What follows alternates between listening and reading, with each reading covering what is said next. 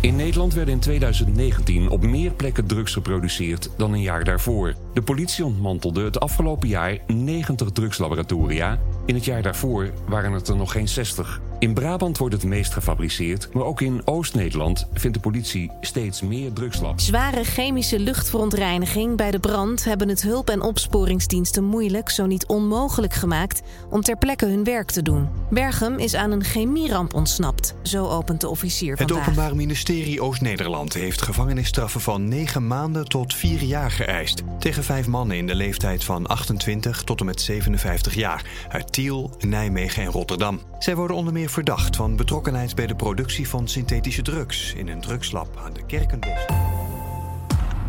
Drugsafval. Blauwe vaten in het bos of in het water, vol chemische stoffen die overblijven na de productie van pillen of andere verdovende middelen. Die stoffen zouden niet in het milieu of in ons water terecht moeten komen. Maar daar maken de makers van drugs zich niet druk om. Je luistert naar De Stille Getuigen, een podcast van NRC XTR in opdracht van het Nederlands Forensisch Instituut. Ga voor meer podcasts en vacatures bij het NFI naar nfi.nl/slash podcast. Een van de vele deskundigheidsgebieden van het NFI is forensisch milieuonderzoek. Govert Verstappen is deskundige afvalstoffen. Hij doet onderzoek naar afvalstoffen, naar ongevallen met chemische stoffen en neemt monsters op plekken waar mogelijk chemische stoffen te vinden zijn.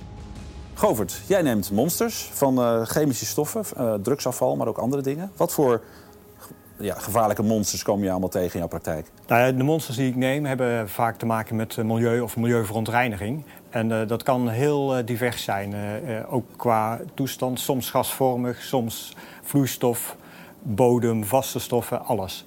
Ehm, ik heb een aantal jaren geleden op een eh, bedrijfsterrein eh, waar iemand allerlei ehm, afvalstoffen, in onze ogen afvalstoffen, verzamelde. Eh, om weer te hergebruiken. Maar het enige wat daar eh, gebeurde is dat er steeds meer bij kwam.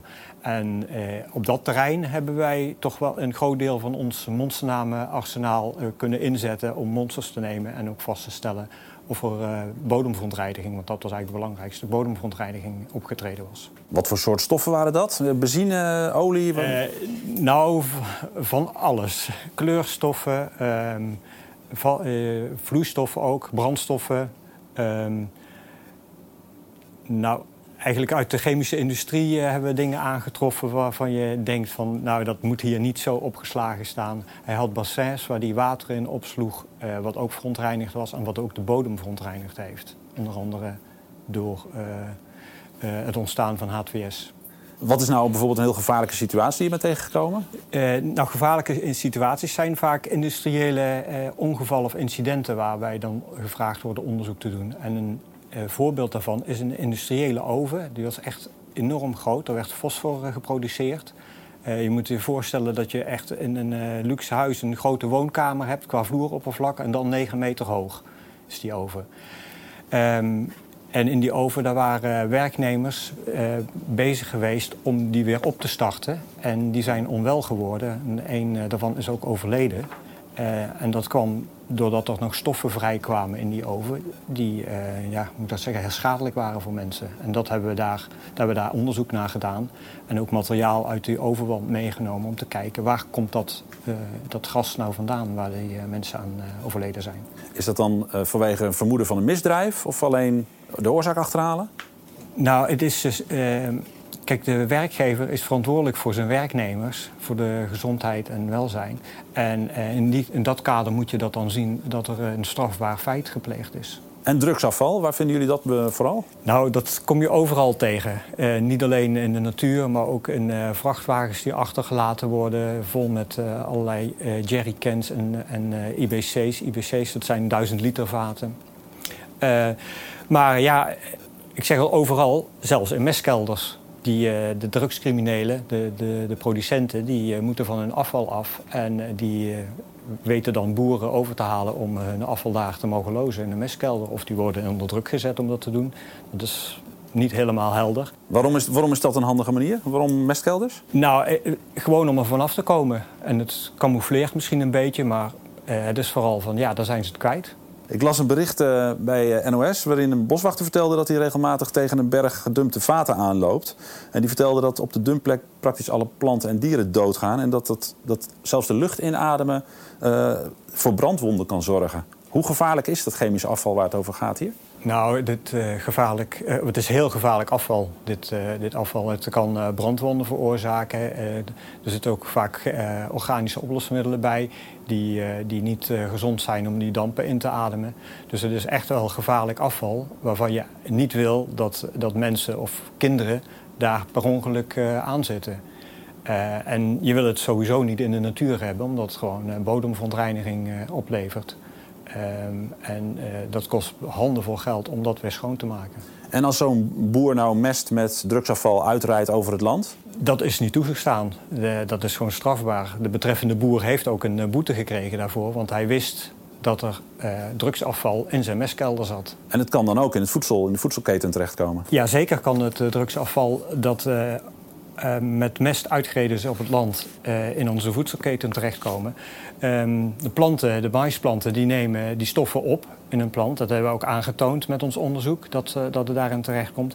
En die maisplanten, die worden weer gebruikt als veevoer. Dus uh, varkens eten ervan. En op die manier kunnen wij dus een, een stukje varkensvlees op ons bord krijgen... waar drugsafval mogelijk in zit. Als je nou opdracht krijgt om zo'n onderzoek te doen in een maisveld, hoe ga je dan te werk? Nou, je wil eigenlijk uh, eerst weten van wat is de vraagstelling. En die vraagstelling uh, van uh, in dit geval de Nederlandse voed Voedsel- en Warenautoriteit was van... ja, is drugsafval of stoffen die in dat drugsafval zitten in die planten aan te tonen.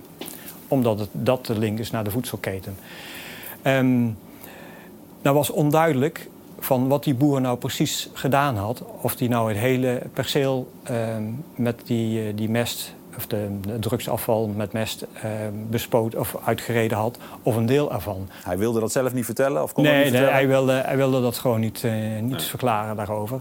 Um, kijk, normaal gesproken dan als we zo'n perceel bemonsteren, dan doen we dat random. Daar hebben we een soort random uh, generator voor en die bepaalt welke plekken we monster nemen. Om toch zeker te zijn van dat wij niet een deel van het veld zouden missen, juist waar drugsafval uitgereden zou zijn, hebben we besloten om, uh, zeg maar om zoveel afstanden uh, qua rijen, maar ook uh, in de rijen zelf, monsters te nemen. Dus dat we echt het hele veld gedekt hebben. Van de grond en de planten? Ja, we hebben op twaalf plekken een plant bemonsterd en ook de, de, de grond waar die plant bij stond. Uh, en daaruit is ook gebleken dat er uh, drugsgerelateerde stoffen in de bodem aan, uh, aan te treffen, aangetoond zijn en ook in de maiskolf. Was daarmee de zaak rond te maken? Voor ons wel. Ik hoop voor de Voedsel- en Warenautoriteit dat die nuttig gebruik hebben kunnen maken van, van onze rapportage, van ons onderzoek en de rapportage. In dat verhaal van die betreffende boer die drugsafval uitreed in zijn mest, um, hoe komt zoiets aan het licht? Ja, in dit specifieke geval dat boer de mes met de drugsafval uitreed, hebben omwonenden uh, een vreemde geur waargenomen. En die hebben de politie ingeschakeld. Uh, en die uh, heeft geconstateerd dat die boer inderdaad de inhoud van zijn meskelder aan het uitrijden was, waar drugsafval in zat. En die hebben ons ingeschakeld om een onderzoek te doen naar het maïsveld. De monsters grond en maïskolven werden voor analyse naar Jorrit van den Berg gebracht. Jorrit is forensisch onderzoeker bij het team verdovende middelen van het NFI. Jorrit, we zijn hier in het laboratorium. Uh, als Govert en zijn collega's nou met uh, grondmonsters en, uh, en maisplanten jullie kant op komen, wat, uh, wat kunnen jullie daarmee dan? Ja, dan moeten wij gaan kijken van uh, zit daar daadwerkelijk uh, MDMA, hè, een ecstasy-achtige stoffen in. Nou, daar pakken we de maisplant, uh, wat we dan als gedroogd materiaal binnen hebben gekregen. Die gaan we extraheren met een vloeistof. En dat extract, met daarin alle opgeloste stoffen die in die mais zaten, dat brengen we in een apparaat. En het apparaat gaat ons dan keurig vertellen wat de componenten zijn die in die maisplant zijn opgenomen.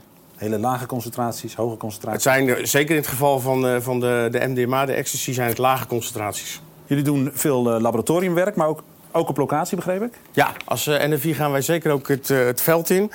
En met name als de politie onze assistentie nodig heeft. Als het gaat om grote labs of labs die vragen om een specifieke deskundigheid. We zien soms nieuwe productieprocessen die de politie niet direct zal begrijpen. Wij hebben een meer chemische achtergrond, zijn ook goed ingelezen in de, in de literatuur over uh, drugsyntheses. En we kunnen ze daarbij uh, assisteren. Daarnaast is het voor ons ook heel belangrijk om uh, feeling te houden met het, met het veld. Wat doet die crimineel? Want die crimineel, die labs, die evolueren ook. Ze doen nieuwe synthesemethodes, nieuwe grondstoffen. Nou, daar willen we bovenop zitten als NFI. En dat is voor ons ook de reden om die labs te blijven bezoeken. Wat neem je dan mee als je naar zo'n locatieonderzoek gaat? We worden vanuit het NFI ondersteund met een, uh, met een, uh, een auto die volledig ingericht is, met chauffeur. en daarin zitten eigenlijk alle benodigde spullen. Dan moet je denken aan beschermende kleding, overal speciale schoenen, mondkapjes, soms ademluchttoestellen als het wat gevaarlijker is. En we hebben allerlei materialen om de, de monsters te nemen op locatie. En dan moet je denken aan spatels, aan spuiten, slangen en potjes en zakjes om alle materialen in op te slaan en naar het NFI mee terug te nemen. En wat tref je dan aan als je zo'n lab binnengaat? We zien uh, ja, reactieketels, stalen ketels, we zien plastic vaten, jerrycans, laboratoriumglaswerk chemicaliën, chemisch afval. Je komt van alles tegen. Waar let jij nou op als je een drugslab binnenstapt? Wat zie jij dan wat ik bijvoorbeeld niet zie? Nou, ik, ik verwacht dat jij uh, denkt van wauw, wat een rotzooi, wat een smerige bende. Uh, terwijl ik ga kijken van nou, wat zijn nou de, de, de nieuwe dingen hier in dit lab? Uh, hebben, zien we nog slimmigheidjes van de laboranten? Hoe is het werkproces in, in het lab? Hoe, hoe is dat opgesteld? Ik, ik zal meer procestechnisch kijken en jij zal meer denken van wat een bende. Maar beschrijvers, staan daar vaten, staan, hoe, hoeveel, hoe groot is zoiets? Nou, ook daar zit heel veel verschil tussen. Hè. We hebben hele kleine labs, dat noemen we dan de zogenaamde kitchen labs, de keukenlabs, waarbij iemand gewoon thuis in een flat uh, appartementje drugs aan het maken is. En we komen in uh, voormalige varkenshouders, rijen, uh, stallen, waar heel veel vaten staan en dat heel groot is, gewoon qua, qua opzet. En zo'n kitchen lab, is dat dan uh, ook bij wijze van spreken explosiegevaarlijk? Uh, in het algemeen wordt er met, met vluchtige oplosmiddelen gewerkt, dus je hebt altijd een risico. Uh, ik denk even aan de situatie dat je in een keuken aan het werk bent en je nog een ouderwetse waakvlam en gijzer hebt staan.